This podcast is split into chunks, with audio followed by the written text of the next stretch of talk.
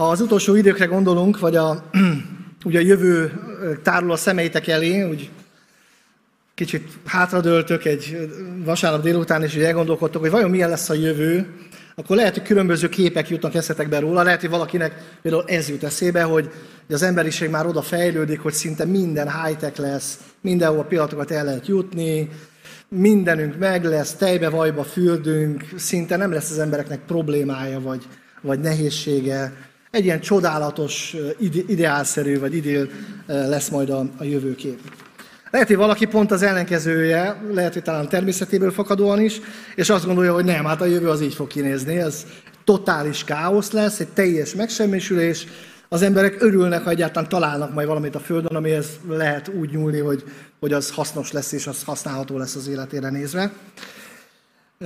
Lehet, hogy valakinek egy teljesen más világban jár már a gondolata, és arra gondol, hogy hát ez a Föld emiatt annyira lakhatatlanná válik, hogy az emberek egyszerűen csak elmennek innen. Ugye sok skifi szól ma erről, az emberek űrhajóra szállnak, és mennek, és keresnek maguknak egy másik lakható bolygót, mert ezt már kiszipolyozták.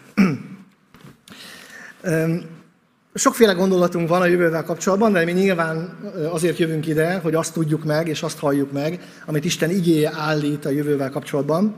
És azt szeretnénk megtudni, hogy Isten mit készít számunkra a jövőben.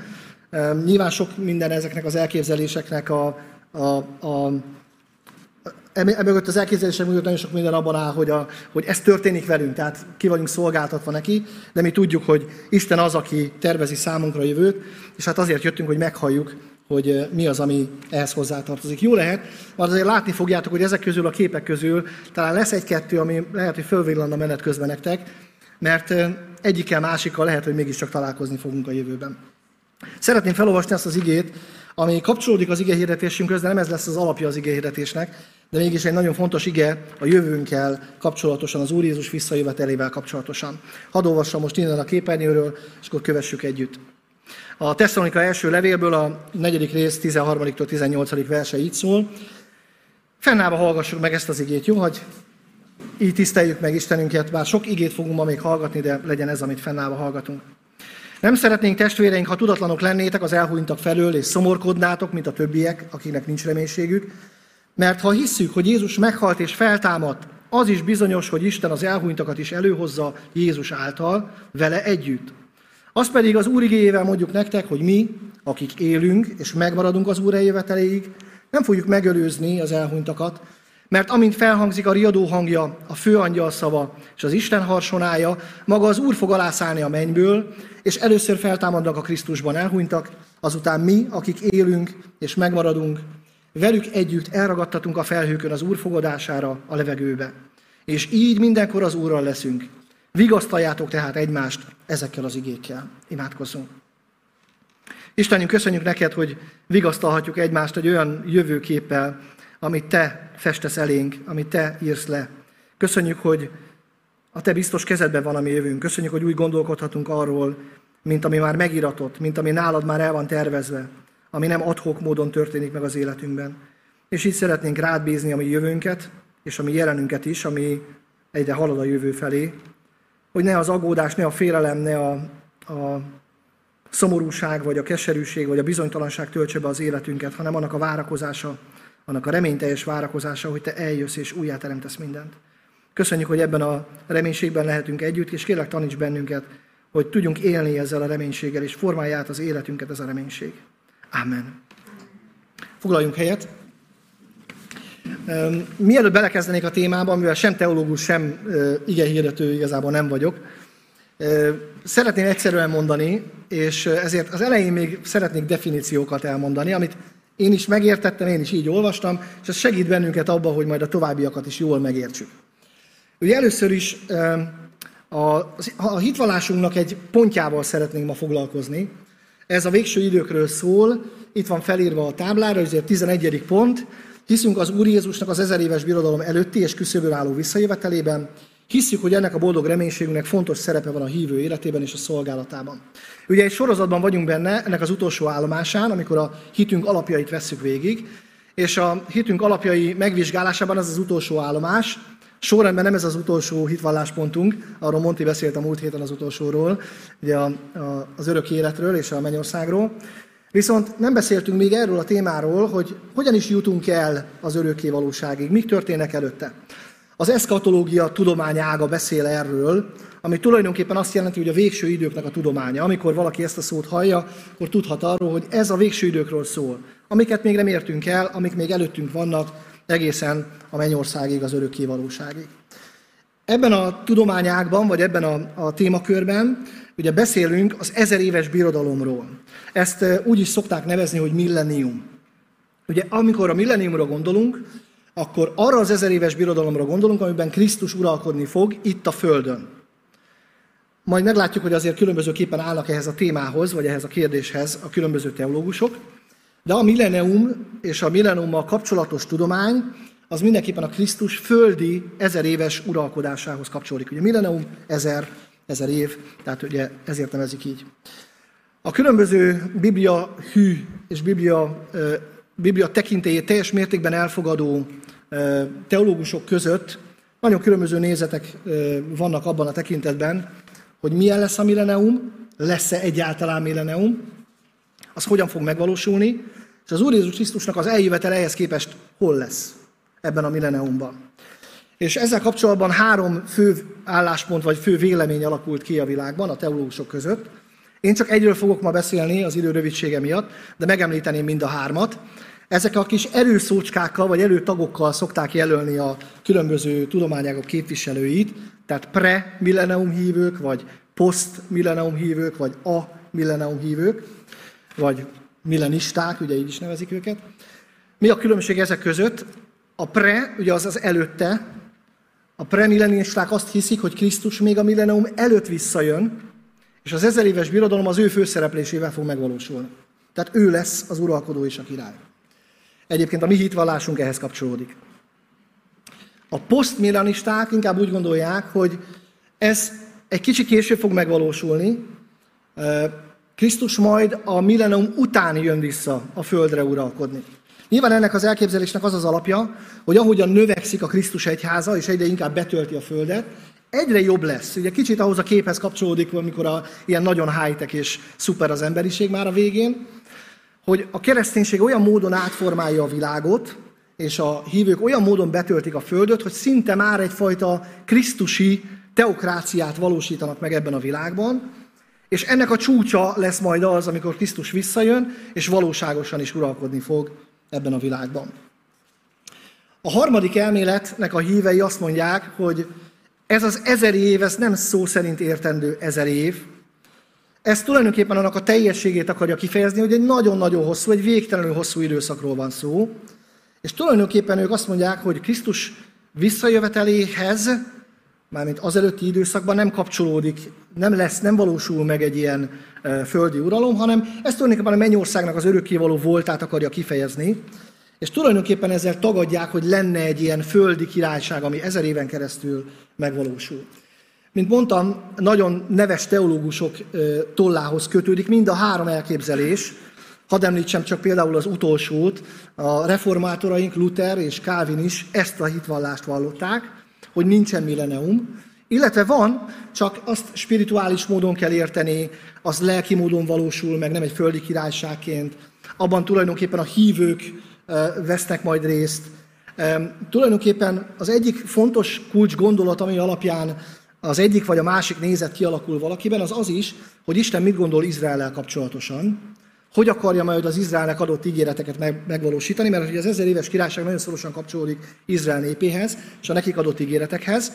És tipikusan azok, akik a millenniumra úgy gondolnak, mint ami nem a Krisztus ö, ö, királylásával vagy uralkodásával megvalósuló időszak lesz, ők úgy gondolják, hogy Isten tulajdonképpen lezárta Izrael ügyét. Ők megtagadták Krisztust, elutasították a megváltót, nekik az ígéretek úgymond semmisé váltak.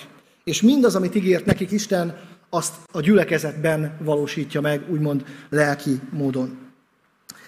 Tehát ez a különbség ezek között a, a látások között, és csak egy ige verset hadd olvassak föl. Sokat fogok ma olvasni, ki is írtam magamnak őket, lehet, hogy nem fogjátok tudni követni a Bibliátokból.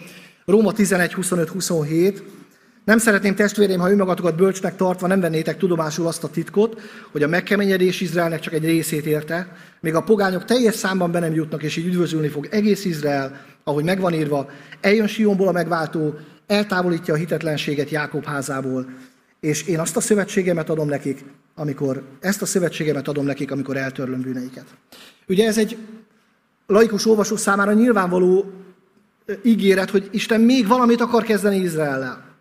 De azok, akik az ezer éves birodalomnak a, a tényét ilyen módon elutasítják, azt mondják, hogy ez, ez az egész hívő népre vonatkozik, nem kizárólag Izraelre. Így értette ezt Luther és Kávin is. Tiszteletben tartva mindazokat a látásokat, ami a másik két gondolkodási módhoz kapcsolódik, mi a pre, tehát a, az előtte megvalósuló időszakról fogunk beszélni, tehát úgy hisszük, és úgy valljuk, és ez van a hitvallásunkban, hogy Krisztus az ezer éves birodalom előtt jön el, és itt fog uralkodni testben. Még néhány definíció, ami szerepelni fog a mai e, e, hirdetésben. Ugye a feltámadás. Beszélünk feltámadásról, és sokszor, amikor a feltámadásról beszélünk, egy esemény jut eszünkbe, pedig igazából két esemény van a Bibliában a feltámadáshoz kapcsolódva. Az egyik az első feltámadás, ami azt jelenti, hogy az igazak feltámadnak a Krisztussal való együttlétre. Ugye erről olvastunk most a, fe, a, az ige szakaszban, a Eterszonikában, hogy akik elragadtatunk, találkozni fogunk azokkal, akik minket megelőzve feltámadtak és Krisztussal vannak. Ez az első feltámadás, amikor már együtt vannak a Krisztusban meghalt szentek. És lesz egy második feltámadás, ez tulajdonképpen az egész világban élő és meghalt minden embernek a feltámadása, amikor az utolsó ítéletre támadnak fel.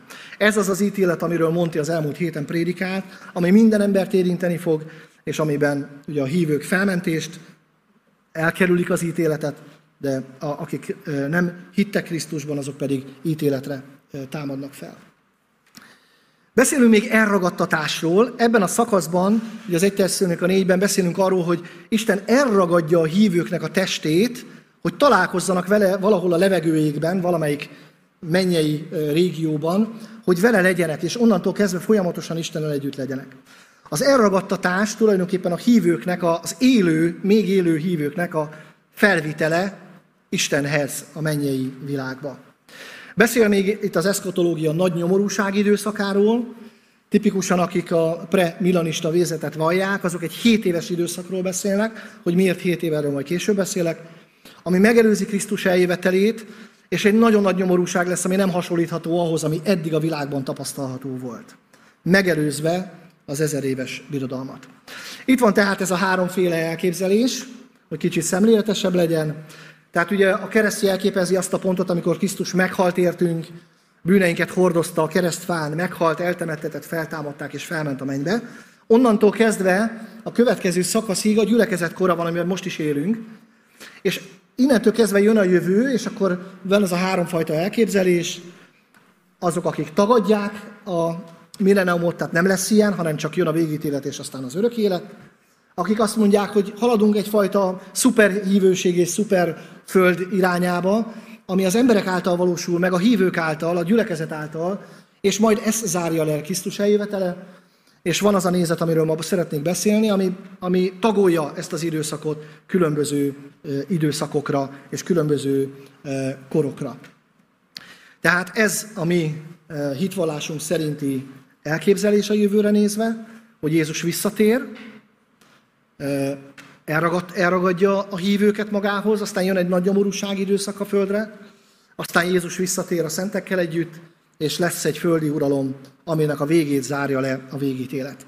Nem teljesen pontos az, hogy ez a gyülekezetünknek az állásfoglalása, mert a tekintetben, hogy az elragadtatás mikor megy végbe, ebben is nagyon különböző meggondolások vannak, nagy nyomorúság elején, közepén, végén, különböző szakaszok, de a lényeg, hogy Jézus visszatérése és a földi uralom az még itt a földön fog megvalósulni, és ahogyan a jelenések könyvében látjuk, ezer, év, ezer esztendő keresztül. Mikor lesz ez? Ugye ez a leg, egyértelmű kérdés, amit az ember ezzel kapcsolatban föltehet. Mikor kezdődik mindez? Három dolgot szeretnék ezzel kapcsolatban felolvasni Isten igényéből. Az egyik, amit, ebből, ebből kettő, amit Jézus mondott a tanítványainak. Az egyik, amit már még a feltámadása után, még a mennymenete előtt kérdeztek tőle a tanítványok, hogy jó, jó, Jézus, ez nagyszerű dolog, hogy ránk akarsz bízni egy ilyen missziót, de mikor jön el a te országod, amiben velünk együtt fogsz uralkodni. Mert a zsidók hitték, hogy együtt uralkodhatnak Krisztussal. És akkor ez a válasz, Abcsel 1 nem a ti dolgotok. Nem a ti dolgotok ezt tudni. Ezt Isten a maga Isten, Istennek azt a, azt a jogot, hogy ő tudja egyedül a világ végének az időpontot, ezt nem változtatta meg. Sőt, ez olyan, ö, olyannyira így van, hogy az Úr Jézus, amikor itt, itt járt a Földön emberi testben, magát megüresítve, akkor azt mondta, hogy azt a napot, amikor ez megtörténik, azt sem az angyalok nem tudják, akik ott állnak Isten közelében és látják mindazt az eseményt, ami történik, sem a fiú nem tudja. Amíg itt volt Jézus a Földön, addig ez így volt, nem tudom, hogy most is így van, én úgy gondolom, hogy már nem, de mindenképpen ez egyedül az atya birtokában van ez a tudás. Viszont mondja azt Jézus, hogy tanítottam arról, hogy ez úgy fog eljönni, hogy tulajdonképpen meglep mindenkit. Mint ahogy a tolva lejön éjjel, nyilván nem akkor jön a tolvaj, amikor mindenki számít rá, hanem akkor, amikor mindenki azt hiszi, hogy minden rendben van. És semmi baj. Akkor jön el az Úr napja. Viszont amit ma szeretnék mondani, és a, a célom ma, hogy lássuk Krisztus eljövetelével kapcsolatosan, az az, hogy Istennek Krisztus eljövetelével nem egyszerűen az a célja, hogy na, elegem volt ebből a világból, lezárom, aztán vége, ti ide mentek, ti meg oda, hanem Isten a Krisztus eljövetelével azt szeretné kimutatni és kifejezni felénk, hogy a hívők, az ő hozzá tartozó Krisztus erős és szerető kezében vannak mindvégig, mind amíg tart ez az időszak egészen a befejezésig, addig tudhatjuk azt, hogy nem lesz semmi bántódásunk. Egyszerűen bármi történik velünk, Isten kezében van az életünk, és egyáltalán nem kell aggódnunk, félnünk, vagy, vagy, vagy, vagy, vagy azon gondolkodnunk, hogy hogy fogjuk ezt megúszni, vagy túlélni ezt az időszakot. Bármilyen nyomorúság és nehézség jön, Krisztus mindvégig kezében és markában tartja a hívőket. És a másik oldalon ugyanakkor, hogy bár ez egy ítélet sorozat lesz, ami eljön a világra Krisztus eljövetele megelőzően és a közben, de a kegyelmes Isten mindvégig megmenteni akar. Ez látszik újra meg újra visszatérően az utolsó időszak eseményeiből, hogy Istennek mindvégig az a célja, hogy megmentsen, hogy ráébresz az embereket arra, hogy, hogy ha-hó, én vagyok az Isten, engem imádjatok, mert különben elveszik az életetek. Tehát nem úgy zárul le a világ vége, hogy egyszer csak Isten húz egy vonalat, és azt mondja, nincs több, hanem úgy, hogy Isten újra meg újra figyelmezteti az emberiséget arra, hogy hamarosan eljön a vég, térjetek meg. Itt van tehát a mi hitvallásunk, és ennek a hitvallásnak először a második felével szeretnék foglalkozni, ami arról beszél, hogy ez egy boldog reménység számunkra, hogy Krisztussal együtt lehetünk, és hogy ennek fontos szerepe van a mi hívő életünkben. Néhány területet sorolnék fel, ahol ennek nagyon meghatározó szerepe van az életünkben. Az egyik, a reménységem Krisztusban az, hogy, hogy Isten kezében van a jövő. Amikor elkezdődik a, az ítélet sorozata jelenések könyvében, lapozgatjátok a jelenések könyvét, az első három fejezet még a gyülekezeteknek szóló intelmekről szól, de aztán a negyedik fejezettől János kapja azt a látomást, hogy hogyan kezdődik el a vég, hogyan bontakozik ki Krisztus eljövetele és az azt megelőző időszak. És az első dolog, amivel János szembesül, amikor bekerül a, ebbe a mennyei látomásba, az az, hogy ö, ö, ugye mondja neki az angyal, és olvasom is a, a jelenések könyve 4. fejezetének az első két versét. Ezután láttam, hogy íme itt van egy ajtó a mennyben, és az előbbi hang, amelyet olyannak hallottam, mint egy trombitájét, beszél velem, és így szól, jöjj ide fel, megmutatom neked azokat, amiket meg kell történniük. És azonnal elragadtattam lélekben, és íme egy trónus áll a mennyben és a trónuson ült valaki. És aztán utána kifejti, hogy ki az, aki a trónuson ül. Az első dolog, amivel szembesül János, amikor megérkezik a mennybe, arra érkezik meg, hogy megtudja, hogy milyen lesz az utolsó idők és az ítélet, hogy egy trónus előtt áll. És azt gondolom, hogy ez egy nyilvánvaló üzenet Isten részéről, hogy az utolsó idők az nem úgy fog megvalósulni, ahogy ma sokan félnek tőle, és naponta lapozgatjuk az újságot, nézzük az indexet, hogy milyen tragédia történik a világban, mikor lesz már vége ennek a világnak. Lehet, hogy itt a napokban többen azt gondolták itt a 14. kerületben, hogy most jön el a világ vége, mert olyan égszakadás volt. Az emberek szívében valahogy ez a gondolat van, hogy azért lesz vége a világnak, mert az emberek tönkre teszik. Vagy azért lesz vége a világnak, mert jön egy nagy meteor, belecsapodik a földbe, az kihal az emberiség. Vagy azért lesz vége a világnak, mert globális felmelegedés, kiöntenek a tengerek, kipusztulnak az emberek. Tehát az emberek fejében valami olyasmi van, hogy magától szinte áldozatai vagyunk ennek a világnak, és egyszer csak megtörténik a világ vége. De János nagyon világos üzenetet kap a világ végével kapcsolatban. Isten döntése alapján lesz vége a világnak. Isten kontrollja alatt van a világ mindenségnek a lezárása, ennek az időszaknak a lezárása. És ugye az angyalok ezt kiáltják a mennyben Istennek, aki a trónon ül, hogy méltó vagy. És nem csak neki, hanem aztán látjuk a jelenések 5. fejezetében, ahogyan Krisztus megjelenik, ugye az angyalok fölteszik ezt a kérdést, hogy vajon kiméltó arra, hogy ezt a folyamatot elindítsa, a világ lezárásának a folyamatát. Kiméltó arra, hogy fölnyissa azt a könyvet, azt a hétpecsétes könyvet, amivel elindul az ítélet sorozat. És aztán azt látjuk, hogy senki nem méltó arra. És egyszer csak, úgy olvassuk a jelenések 5-ben, hogy egyszer csak megjelenik, megjelenik a bárány, a megöletett bárány, és és azt éneklik az angyalok, méltó vagy arra, hogy átvedd a könyvet és feltöld annak pecsétjét, mert megölettél, véreddel vásároltad meg őket Istennek, minden törzsből, minden nyelvből, minden nemzetből, minden népből, királyságá és papokká tetted őket, ami Istenünknek, és uralkodni fognak a földön. Azt látjuk, hogy Krisztus dicsérik, mert egyedül ő méltó arra, hogy ezt a folyamatot elindítsa. Ez egy nagyon érdekes kép, mert az ember mit szokott meg a hétköznapi életéből, amikor ugye valami piszkos munkáról van szó, akkor kiket kérnek fel? Hát ilyen olyan népeket, nem? Tehát ugye például a behajtást azt ilyen verőlegények végzik. És akkor ők, hát ők nem általnak olyan eszközöket használni, amire ugye a tulajdonos talán nem lenne büszke. De amikor Isten megbízza azzal Krisztust, hogy a világ végét úgymond lekoordinálja, olyan valakit bíz meg vele, aki az életét adta ezért a világért olyan valakit, akinek az élete kevésbé volt fontos, mint azonnak az élete, akikkel ezeket az ítéleteket végre kell hajtania. Aki kért meghalt, akiknek az életét vérén megvásárolta. Olyan valakinek a kezében van a világ vége, aki szeret, és végig meg akarja menteni az emberiséget. És ahogy látjuk a folyamatot, ahogy halad végig a világ végének ez a folyamata, ezt látjuk visszatérni, hogy Isten újra meg újra figyelmeztet, újra meg újra tesz azért, hogy megmentse az emberiséget. Isten kegyelmes.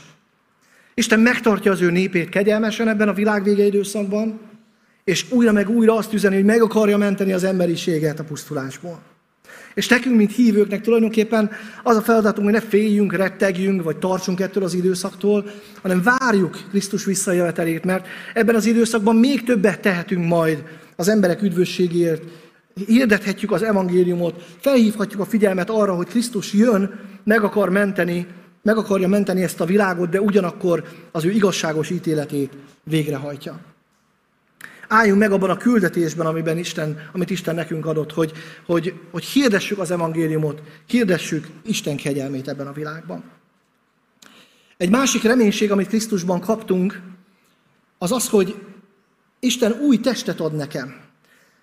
A korintusi levélben, már ugye a Tesszalonikában is érintettük, de a korintusi levélben azt olvassuk a 15. fejezetben, az 51. verstől, hogy íme titkot mondok nektek, nem fogunk mind, ugyan mindnyájan elhunyni, de mindnyájan el fogunk változni. Hirtelen, egy szempillantás alatt.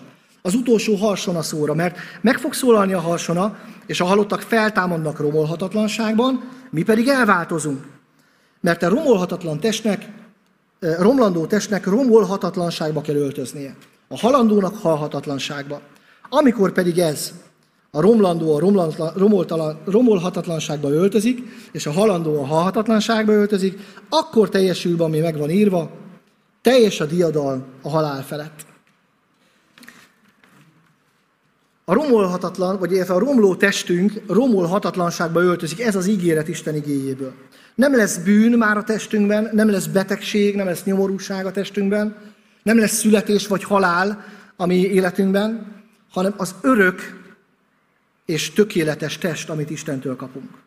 És én azt gondolom, hogy amikor Isten így elváltoztatja a hívőknek a testét, akár a halálból feltámadva, akár az életből elragadva, ez nem valamilyen univerzális test lesz, mindenki ugyanúgy fog kinézni, hiszen Isten minket egy küldetésre hív el. Én azt gondolom, hogy ott is egyediek leszünk, ahogy a most is Isten egyedinek teremtett bennünket. És ez lesz a teljes diadal.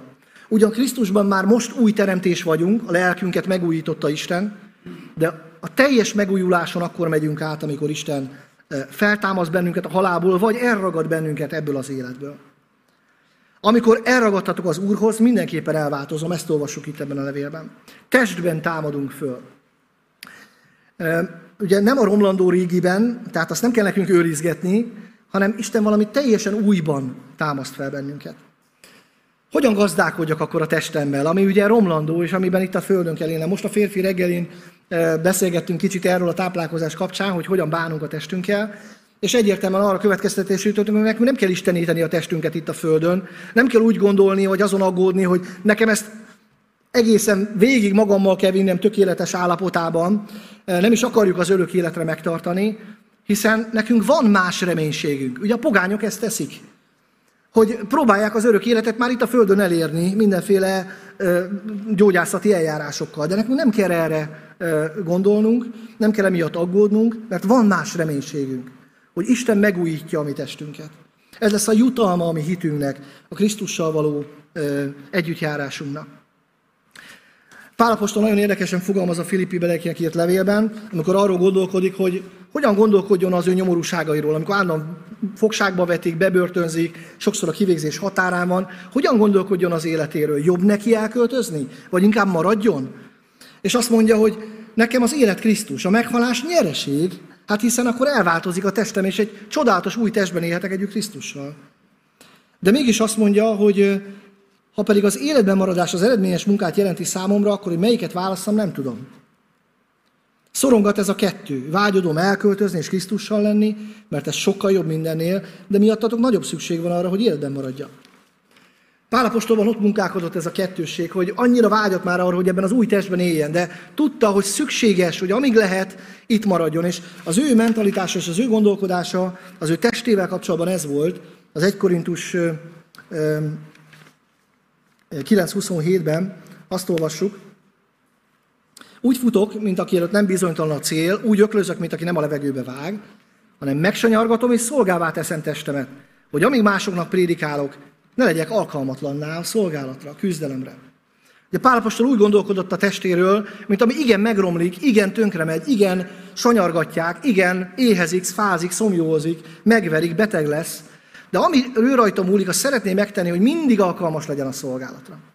Otthon gyerekeimnek biztos már elege van belőle, azt szoktam mondani, hogy akkor van vége a munkának, amikor a szerszámokat eltettük, és készen állnak az új feladatra amikor bemegyünk a konyhába, akkor ne az legyen, hogy hol is a lábos, vagy hol is van a, a, a palacsinta sütő, és ott látjuk, hogy még benne áll a cucca az előző étkezésből. Tehát legyen készen a szolgálat, és Pálapostól így gondolkodott, hogy bár a testem romlik, én csak annyit tehetek, hogy legyen kész mindig a szolgálatra. Mert a reménységem az, hogy Isten új testet fog adni. Nem kell nekem ezt a testet minden áron, minden isteníteni, és, és a, a földön elérni a tökéletességet. Egy következő reménységünk, hogy Krisztussal együtt uralkodhatunk. Ugye már a jelenések könyve 5. fejezetében felolvastuk, hogy Krisztus megvásárolt bennünket. Minden törzsből, minden nyelvből, nemzetből királyságá, papokká tett bennünket, és uralkodni fogunk. Uralkodni fogunk vele együtt. Uralkodni fogunk a Földön, ugye ezt olvassuk itt. Jelenések könyve 20. fejezetében többször is visszatér ez a gondolat, hogy uralkodni fognak vele együtt, Ugye a hatodik verset, hadd olvassam, a negyedik meg a hatodik versnek a végét. Azt mondja, hogy életre kelnek, és uralkodnak Krisztussal együtt ezer esztendeig. Vagy a hatodik vers végén, ezeken nem hat, nincs hatalma a második halálnak, hanem az Isten és a Krisztus papjai lesznek, és vele uralkodnak ezer esztendeig. Istentől azt a kiváltságot kaptuk, hogy uralomra jutunk vele, Krisztussal együtt. Ugye Isten az embert már kezdetektől fogva az uralomra teremtette. Már az éden kertben, amikor megteremtette Ádámot és Évát, azt parancsolta, hogy sokasodjatok, töltsétek be a földet, és uralkodjatok mindenen, amit a földön teremtette. Ez az embernek a küldetése. Ugye ez megromlott a, a bűnbeeséssel, és mi erőszakosan uralkodunk tulajdonképpen azóta. Nem tudunk e, Isten szerint módon uralni a világot, de Isten ezt helyre akarja állítani hiszen uralkodásra teremtette az embert. És visszahelyez bennünket az eredeti pozíciónkba.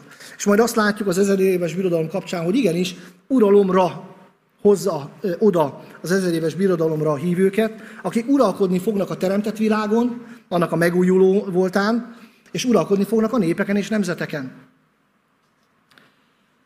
az uralkodás az egy óriási nagy megbízatás, egy, egy nagyszerű felelősség, egy nagyszerű kiváltság, egy nagyszerű jutalom Istentől, hogy engem megbíz. Azt a valakit, aki lázadtam ellene egész életemben, és csak azért jutok az ő színe elé, mert hittem Krisztusban, az ő megváltói munkájában, ő engem erre a nagy kiváltságra ö, jutalmaz meg, hogy az ő királyságában uralkodhatok. Lukács evangéliumának 19. fejezetében, Máté 25-ben van a minák példázata. Ágoston Misi beszélt erről jó néhány héttel ezelőtt, amikor azt mondta, hogy, hogy arról beszélt, hogy felelősségünk az, hogy hogyan bánunk azzal, amit ránk bízott Isten. Ugye ott arról beszél Krisztus, hogy, hogy ajándékokat ad Isten az embereknek, és majd az életük végén számon kerül, mit kezdtek ezzel az ajándékkal. És megjutalmazza az ő szolgáit, és azt mondja, hogy jól van, jó és hű szolgám, kevésen hű voltál, sokra bízlak ezután. Ez a sok, ez hol lesz? Hát az Isten királyságában, ahol én uralkodhatok együtt Krisztussal. Ott bíz engem majd Isten sokra, hogyha én hűségesen bántam mindazzal, amit ebben az életben Krisztus nekem adott. Isten arra hív bennünket, hogy már ebben az életben őt szolgáljuk, hűségesen járjunk el mindavval, amit Isten nekünk adott, ne a polcra tegyük az ajándékainkat, ahogy Dani mondta, hanem hűségesen kövessük őt, bízva abban, hogy Isten, amikor megment engem, amikor az életemet újjá teszi, akkor egy sokkal nagyobb felelősségre bíz meg, hogy az ő küldetésében részt vegyek. És végül, de nem utolsó sorban reménységünk az, hogy Krisztussal örök életem lehet. Ugye ez a, az evangélium, a jó hír, amiről az elmúlt héten Monti is beszélt, hogy ha Krisztusban vagyok, ha Krisztusban hiszek, ha, ha hiszem azt, hogy egyedül ő miatta lehet megváltása az életemnek, egyedül ő miatta bocsát meg nekem Isten. Én semmi olyat nem tettem, amivel kiérdemelném Istennek a jó indulatát. De Krisztus helyettem vállalta a büntetést, ha így hiszek Krisztusban, akkor örök életem van. Ez már most van, most ebben az életben. De majd folytatódik örökké Istennel együtt, abban a tökéletes megváltásban, amit számomra készít. Ugye beszélt Monti is erről az elmúlt héten, hogy azok, akik Krisztusban hisznek, ugyan átmennek a feltámadáson, az első feltámadáson, de nem kell menniük a másodikra, amikor ítéletre támad fel az emberiség. Ők nem mennek ítéletre, ezt mondja az Isten igéje. Sőt, már most átmentek a halálból az életre. Szellemi értelemben, és majd a mi feltámadásunk vagy elragadtatásunkat követően fizikai értelemben is ez megtörténik.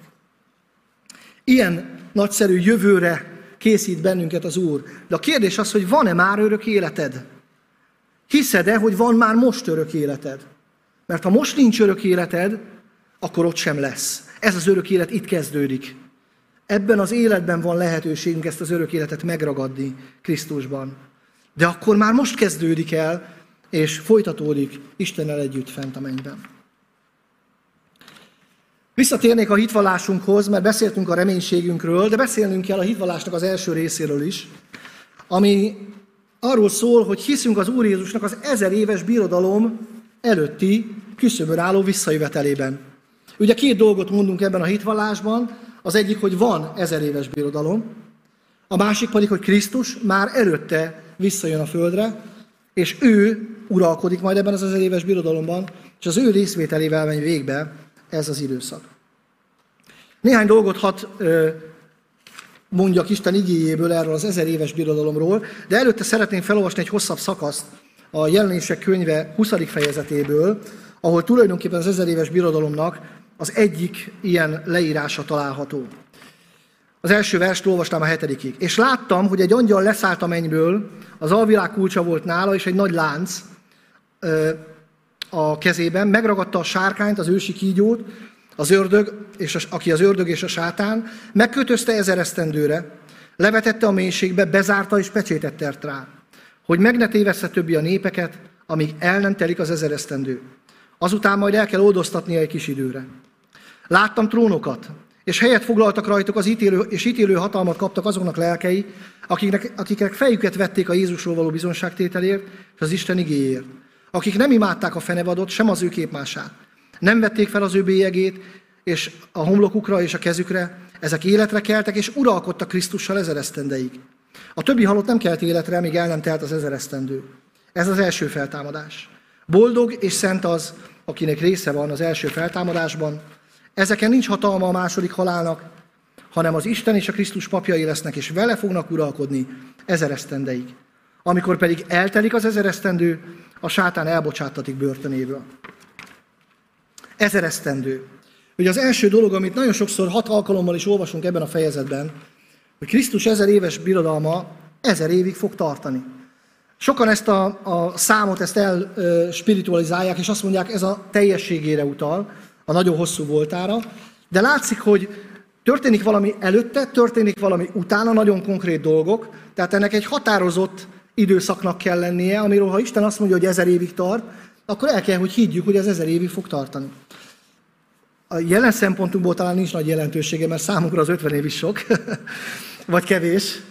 Nem tudjuk elképzelni, milyen lesz az ezer évig élni, de Isten igéje mégis ezt mondja, hogy ez a birodalom ezer évig fog tartani. A második, amit olvashatunk, és itt több igeversben is felolvasásra került, hogy ebben a birodalomban Krisztus test szerint jelen lesz. Ugye ezt olvastuk a hatodik meg a negyedik versben is, hogy uralkodnak Krisztussal együtt ezer esztendeig. Hát hogy lehet valakivel együtt uralkodni, aki egyébként nincs ott? Nyilvánvalóan ezt az uralmat Krisztus fogja létrehozni, és Krisztus lesz az Úr. Egyébként az előző fejezetben, a 19. fejezetben beszél arról Isten igéje, ahogyan Krisztus megérkezik ebbe az ezer éves birodalomba, ahogyan elindítja ezt az időszakot. És ott nagyon nyilvánvaló, és hadd olvassak egy kis részt a 19. fejezetből, nagyon nyilvánvaló, nem olvasom az egészet, talán csak a, végét, 15. vers, és szájából éles kard jött ki, hogy megverje vele a népeket, mert vasveszővel fogja pásztorolni őket, és fogja taposni a mindenható Isten búsult haragjának borsajtóját. Ruhájára és derekára az a név van írva, királyok királya és uraknak ura. Hát kinek lehet ez a titulusa, hanem Krisztusnak? Krisztus eljön ebbe a világba, hogy ebben a világban uralkodjon a népek és a nemzetek fölött. Mint igazságos uralkodó fogja őket igazgatni és végezni a szolgálatát. Tehát Krisztus testben, nyilván az ő mennyei megdicsőült testében lesz jelen ebben a világban. A központja Jeruzsálem lesz ennek a ö, birodalomnak. Ezt nem ebben a, a fejezetben, a jelenések könyvében, hanem az ószövetségi ö, proféciákban olvashatjuk, különösen is Ézsajás könyvében. Itt is egy kicsit hosszabb szakaszt hadd olvassak föl, Ézsajás könyve ö, második fejezetéből, az első négy verset. Ezt az igét kapta Ézsajás Ámóc fia Júdáról és Jeruzsálemről. Az utolsó napokban szilárdan fog állni az úrházának hegye, a hegyek hegy tetején. Kimagaslik a halmok közül, és özönlik hozzá valamennyi nép. Eljön a sok nép, és ezt mondják, jöjjetek, menjünk fel az Úr hegyére, Jákob Istenének házához. Tanítson minket utaira, és az ősvinyei járjunk. Mert Sionból jön a tanítás, és az Úr igéje Jeruzsálemből. Ítéletet tart a népe, nemzetek fölött, megfenyíti a sok népet, kardjaiból kapákat kovácsolnak, lándzsáiból metszőkéseket, nép népre kardot nem emel, hadakozás többé nem tanul. Nagyon világos ebből a proféciából, hogy az az utolsó uralom, királyság, amit Krisztus megalapít itt a Földön, Jeruzsálemi központtal jön létre, hogy pontosan mekkora lesz, milyen lesz a város, hogy fog kinézni, nem sok mindent tudunk erről mondani, de azt tudjuk, hogy Izraelnek adatott ez az ígéret, tehát valahogy Izraelhez kapcsolódik, és mégpedig Jeruzsálemhez. Aztán azt is tudjuk, hogy ez egy béke és igazságos kor lesz. Egy olyan teokrácia, ami, ami még sosem valósult meg ezen a földön, amiben Krisztus uralkodik, együtt az ő gyermekeivel, az ő megváltott gyermekeivel, és csodálatos módon béke és igazság uralja ezt az egész világot.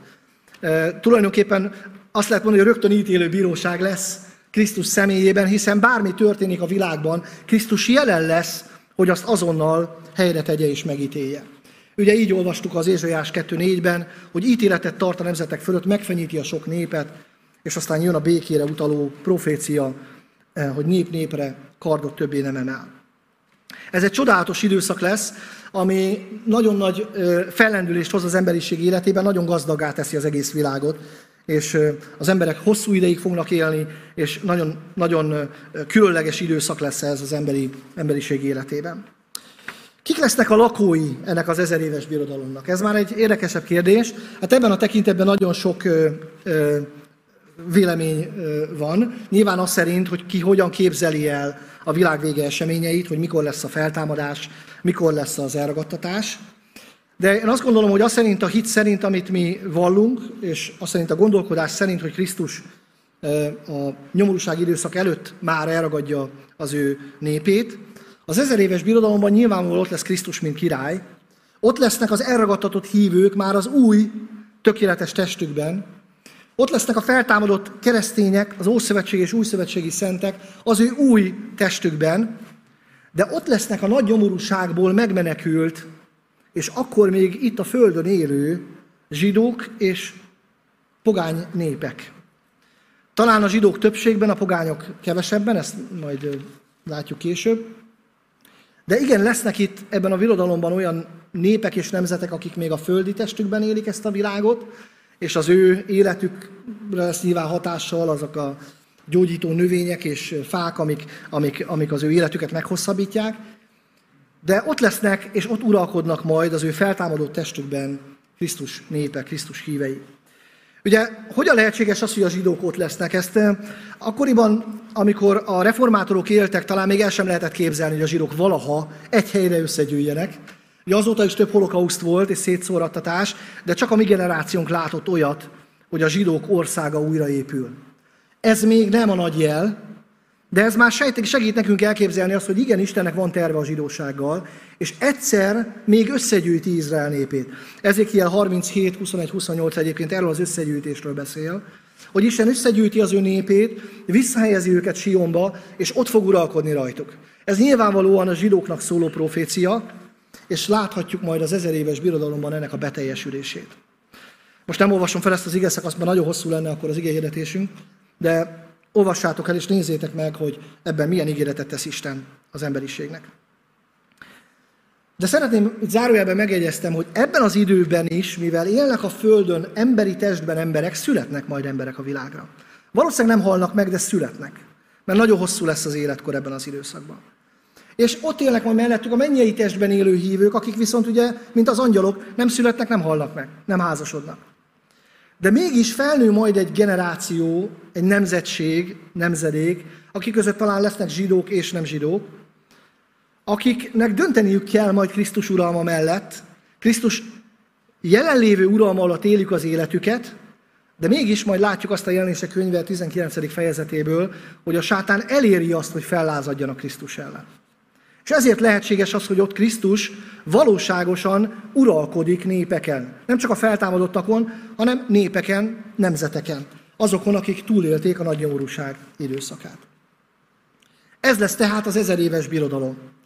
De ahogyan láttátok, az ezer éves birodalomról a jelenések könyve 20. fejezetében olvasunk, és János már a negyedik fejezetben elkezdi leírni azt a folyamatot, hogy hogy jutunk el odáig, tehát gondolhatjátok, hogy elég sok minden fog történni addig, amíg az ezer éves birodalom elérkezik ebbe a világba. És vajon mi addig hol leszünk? Ugye ez a kérdés? Mi, mi hol leszünk ebben az időszakban? Mit fogunk csinálni ebben az időszakban? Mi vár a hívőkre ebben az időszakban? Hogy fogjuk végigélni ezt az időszakot, amikor az Antikrisztus itt tevékenykedik a Földön?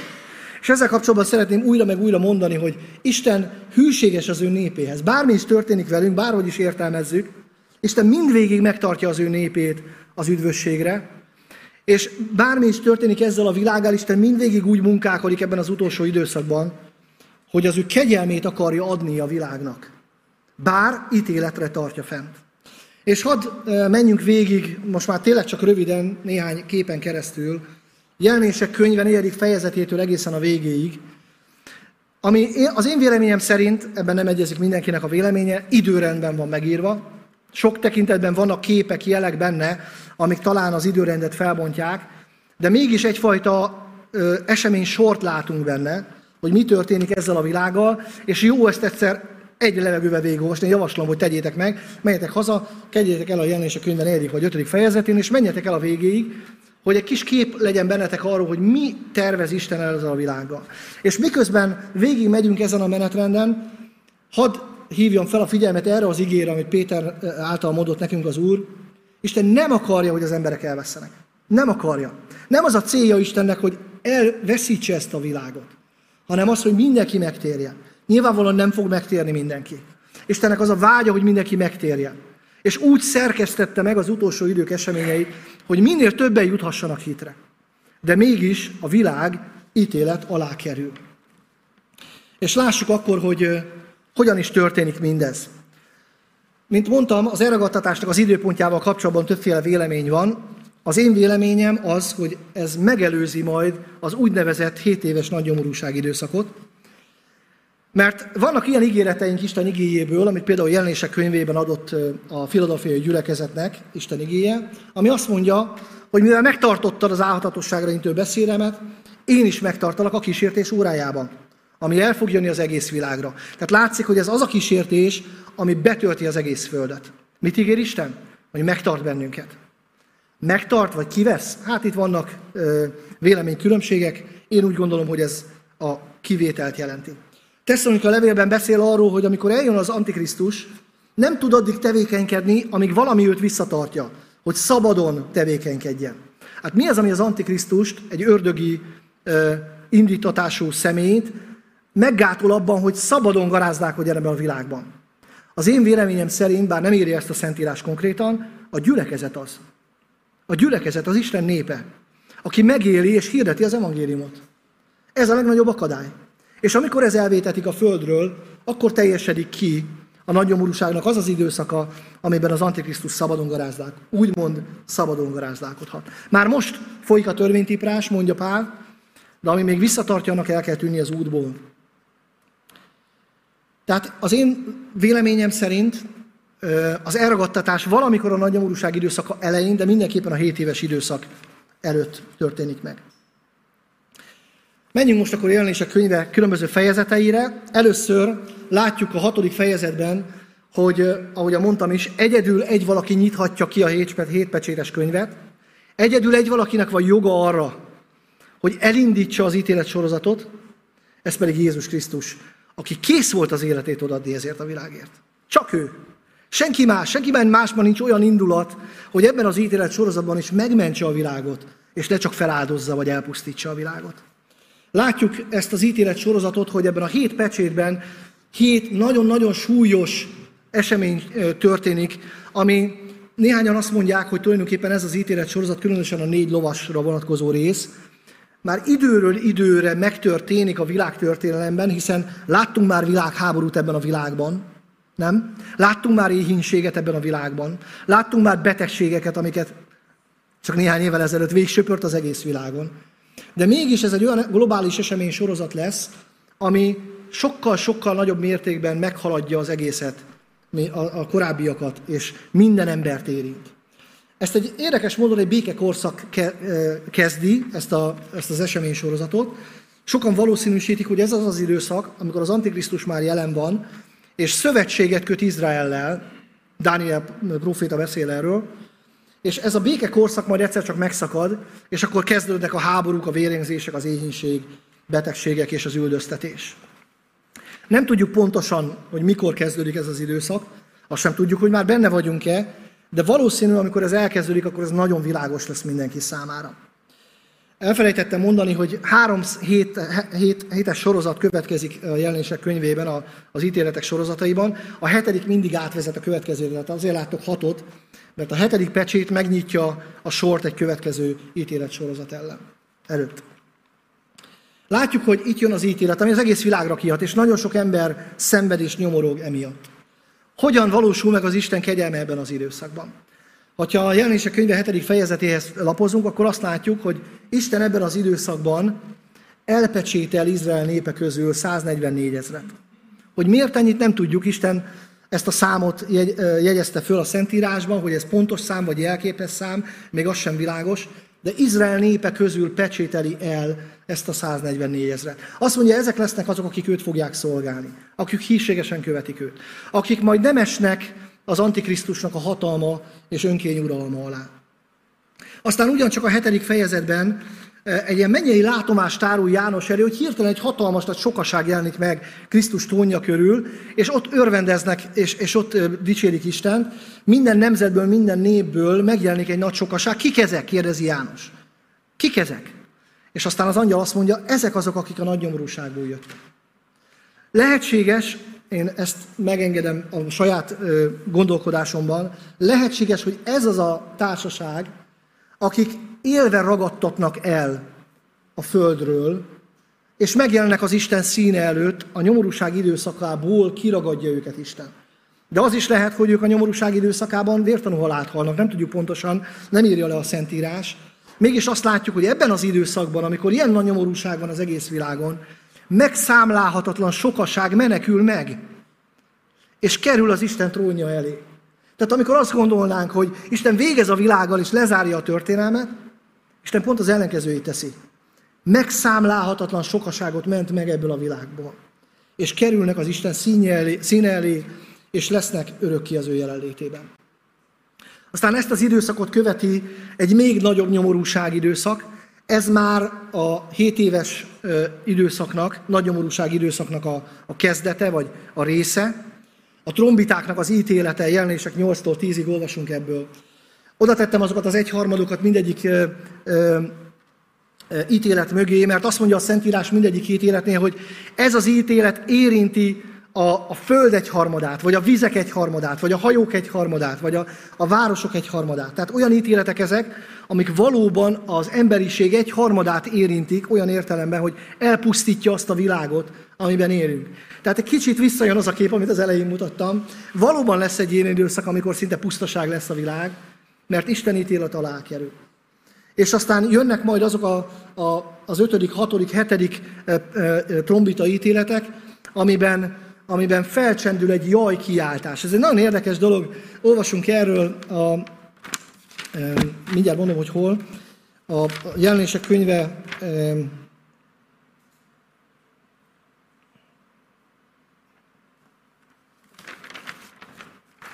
most nem tudom a fejezetet, de majd biztos eszembe ha már nem kell rá, nincs rá szükségem.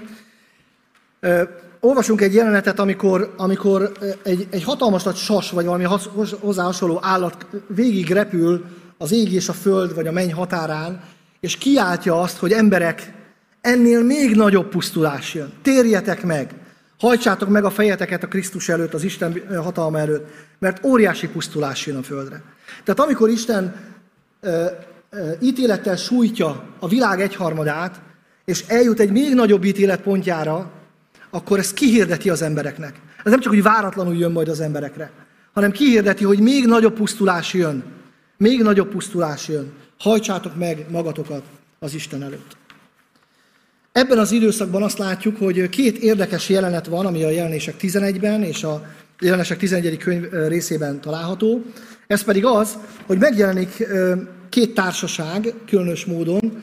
Az egyik társaság az azok, akik, akik az Isten templomában imádkoznak. És ez azt az ószövetségi proféciát tölti be, ami arról szól, hogy Isten az utolsó időkben a helyreállított Izrael által felépíteti újra a Jeruzsálemi templomot, ami Isten imádatának a központja lesz. Már nem Nyilván nem ö, ö, váltság áldozatokat fognak bemutatni ott, hanem hála áldozatot, de ott lesz egy Isten tiszteleti központ. És azt olvasó jelenések 11.1-ben, hogy kelj fel és mérd meg az Isten templomát, és az oltárt, és az ott imádkozókat. Tehát ebben az időszakban ott lesznek az Isten népe, és imádkoznak ezért a világért. Aztán a,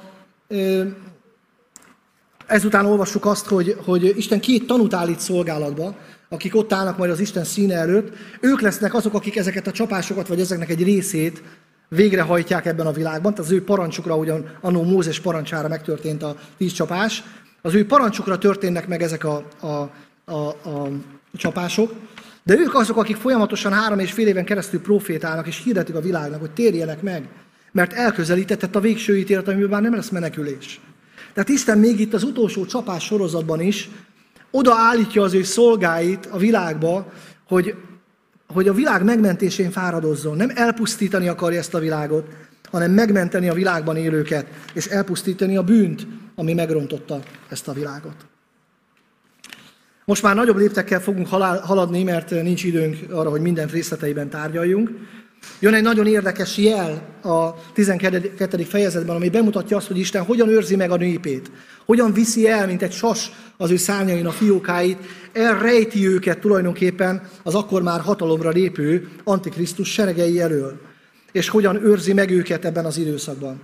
Aztán azt látjuk, hogy mivel az Isten gyülekezete, az Isten népe már nincs jelen ebben a, a, a, a világban, mármint maga a gyülekezet, talán az ebben az időszakban megtértek, ott vannak, de maga a gyülekezet már nincs, ezért a sátán uralma kiteljesedik. Ő maga ül be az Isten templomába, és hirdeti, hogy én vagyok az Isten. És az egész világot elhiteti. Megjelöli az embereket, aki nincs megjelölve, ugye az, az ki van zárva a gazdasági életből és a politikai életből. Megjelöli az embereket, hogy mindenki őt imádja és őt kövesse. És jön egy ilyen, egy ilyen mindent átfogó sátáni uralom az emberiségre. És akkor ezen a ponton a jelenések könyve 14. fejezetében azt olvassuk, hogy egy angyal jön el, és elkezdi hirdetni az evangéliumot. Megint. Megint jön valami isteni jel, amikor tulajdonképpen már ketté vált az emberiség, az Isten által elpecsételtekre és a sátán által elpecsételtekre, akkor jön egy angyal és hirdeti az evangéliumot, és azt mondja, hogy hajtsátok meg a fejeteket Isten előtt, és térjetek meg, mert jön az ítélet. Féljétek az Isten, adjatok neki dicsőséget, mert eljött ítéletének az órája. És akkor jönnek a haragpoharai, jelenések közül a 15.-16. fejezetében, és egy nagyon érdekes dolgot olvasunk itt a haragpoharainak a kitöltésénél. Azok, akik elszenvedik ezeket a, a kínokat és szenvedést, ami az utolsó ítéletben van, azt olvassuk róluk, hogy a kínjeik és a fekények miatt káromolták a mennyistenét, de nem tértek meg a cselekedeteiből. Ugye amikor, a, azt nem is említettem, amikor a, a két tanú ö, ö, prédikál és hirdeti Isten evangéliumát, és az ítél, eljövendő ítéletet, és amikor végre, végre az Antikrisztus lehetőséget kap, hogy megölje a tanukat, hatalmas nagy örömünnep lesz az egész Földön. Az emberiség gondolkodása teljesen kifordult már magából ekkorra, szinte nincs kit megmenteni ebben az időszakban. Ugye aztán ezeket a tanukat Isten magához emeli, de gyakorlatilag szinte nincs kit megmenteni, mert az emberek így gondolkodnak. Káromolják az ítéletet elhozó Istent, és nem térnek meg a cselekedeteikből. És aztán beszél Isten a nagy Babilonnak a bukásáról, az egész sátán imádati rendszernek a bukásáról, ami, amiben Isten megítéli ezeket az embereket. És így jövünk el tulajdonképpen a végítélethez. A nagy nyomorúság időszaka ez, amiről tulajdonképpen a jelenések könyvének a nagy, nagyobb, legnagyobb fejezete szól, és aztán ennek a csúcspontján a végítéletben a jelenések könyve 19. fejezetében tér vissza Krisztus az ő szentjeivel. Ugye itt olvasunk arról, hogy Krisztus győz, és eljön a millenium. A sátán a millenium időszaka után, ahogyan láttátok itt ebben a, rajzon, még egyszer eloldoztatik, és megtéveszti azokat az embereket, azt a nemzedéket, legalábbis annak egy részét, akik a millenium alatt nőttek fel, és talán nem bízták a szívüket Krisztusra, és aztán lesz a végső feltámadás és az utolsó ítélet, és milyen érdekes, az M pontnál el is jutottunk a mennyhez, és ott kezdődik a mennyország. Az az időszak, amiben már Isten örökre együtt él az ő gyermekeivel. Hú, ez hosszú volt, és talán nehéz is volt végigfigyelni, de szeretném, ha két dolgot megjegyezzétek ebből az egész történetből. Az egyik az, hogy a te életed, ha Krisztusban vagy, Krisztus kezében van, és bármi történik veled ebben az időszakban, bármi is történik ezzel a világgal az ítélet óráiban, a te életed biztonságban van. Téged Isten a kezében tart. És ígéreteket tartogat számodra, hogy együtt uralkodhatsz vele majd abban az országban, amit ő készít számodra. A másik, amit szeretnénk megjegyezni, és ez bátorítsam benneteket arra, hogy még buzgóban vegyetek részt az Isten munkájában. Hogy Isten még az ítélet idején is mindvégig megmenteni akarja az emberiség egy jó részét. Az ítélet nyilvánvalóan azért van, mert ez, ez a bukott világ a bűnével Isten ellen lázad. De Isten meg akarja menteni az emberiséget. És újra meg újra figyelmezteti, hogy féljék az Istent. És ebben a küldetésben állhatunk most is, hűségesen, hogy figyelmeztessük az emberiséget, hogy eljön az ítélet ideje, féljétek már most az Istent, hogy ti is együtt uralkodhassatok vele az ő országában. És majd, amikor visszatérünk vele az ő országába, akkor ugyanaz a szolgálatunk lehet az ő birodalmában, hogy, hogy eh, ahogyan látjuk majd, hogy az ezer éves birodalomban azért jönnek majd a népek, hogy Isten ismeretét tanulják az ő gyermekeitől, ebben a szolgálatban állhatunk majd akkor is, és reméljük, hogy már most úgy végezhetjük a szolgálatunkat, hogy azt mondja Isten a végén, hogy jól van hű szolgám, még nagyobb megbízatásra bízlak téged ezután. Adjunk hálát Istennek ezért a csodájáért. Drága Istenünk, nagyon nehéz ezt az egészet átgondolni, feldolgozni, megérteni, hogy te mit is tervezel a világ végére. Köszönjük, hogy megérthettük, hogy te egyszerűen nem csak lezárni akarod a világot és végezni a benne élőkkel, hanem te egy olyan megváltói sorozatot, egy olyan tervet készítettél, amiben te meg akarod menteni az embereket. Amiben te megszámolhatatlan sokaság számára készítesz megváltást az Úr Jézus vére által. Köszönjük, hogy ezek részesei lehetünk már most. Köszönjük, hogy csodálatos ígéreteket adtál nekünk. Segíts nekünk, Urunk, hogy úgy álljunk a Te küldetésedben, hogy ne lankadjunk meg, hanem legyünk készek a Te örömhíredet megosztani minél többekkel, hogy minél többen elkerülhessék ezt a borzasztó ítéletsorozatot, és minél többek mehessenek be a Te országodba úgy, hogy veled együtt uralkodhatnak örökké. Ezt kérjük az Úr Jézus nevében. Amen.